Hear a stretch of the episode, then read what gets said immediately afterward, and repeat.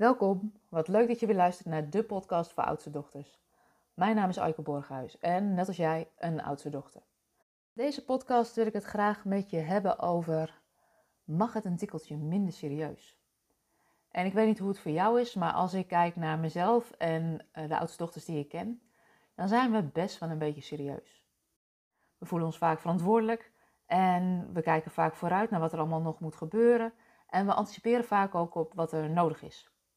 En in een thuissituatie kun je dan bijvoorbeeld nadenken over een cadeautje voor je schoonmoeder, het regelen van vervoer voor een schoolkamp, de boodschappen die gedaan moeten worden, waarbij je verder vooruit kijkt dan het avondeten van vanavond en het ontbijt voor morgenochtend, of het avondeten alvast voorbereiden, omdat je weet dat er s'avonds gesport moet worden en je een drukke dag voor de boeg hebt.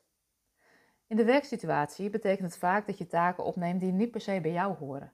Want iemand moet het tenslotte doen. En oudste dochters steken dan vaak hun hand omhoog.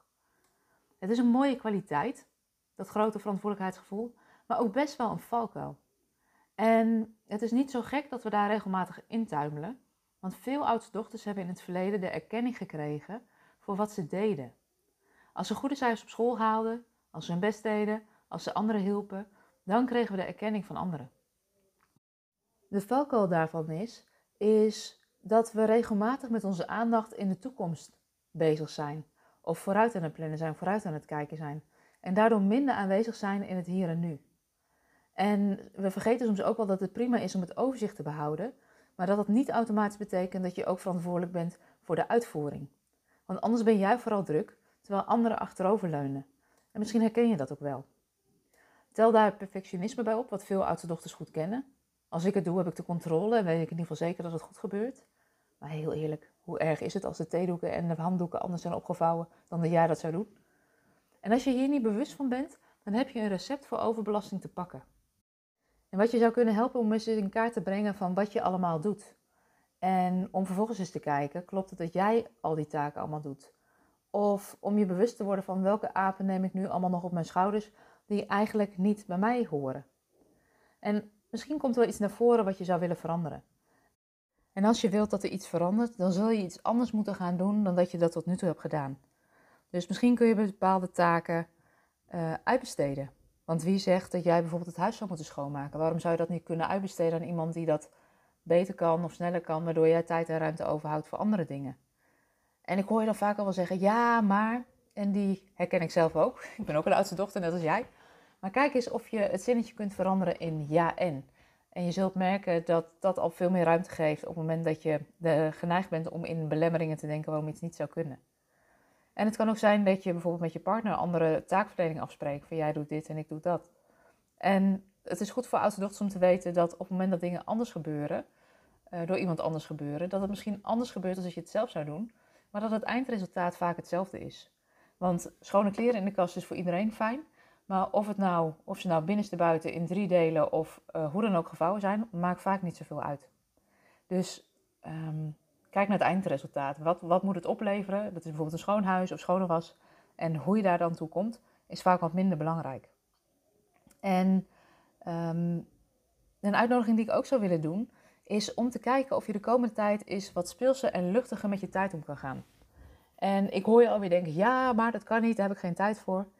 Dat stemmetje dat hoort er ook bij als je dingen anders gaat doen dan dat je gewend bent. En speels met je tijd omgaan en meer aanwezig zijn in het hier en nu kan voelen als tijdverspilling. Maar je gaat ook merken hoeveel meer plezier en energie het je oplevert als je het wel doet. En met hoeveel meer gemak daarna de dingen gebeuren die ook moeten gebeuren of geregeld zouden moeten worden. En dat speelsel met je tijd omgaan kan zitten in kleine dingen. Overdag een stuk wandelen tussen je afspraken door. Buiten een kop thee drinken zonder te scrollen op je telefoon. Een spelletje spelen met je kind. De haast uit je dag halen heeft mij persoonlijk heel veel gebracht. Want het leven is nu. Niet in de toekomst, niet in het verleden, maar het leven is nu. En wat je zou kunnen helpen is om eens even te checken gedurende de dag waar je zit met je ademhaling in je lichaam. Want op het moment dat je met je ademhaling hoog in je lichaam zit, ervaar je vaak meer haast en meer stress.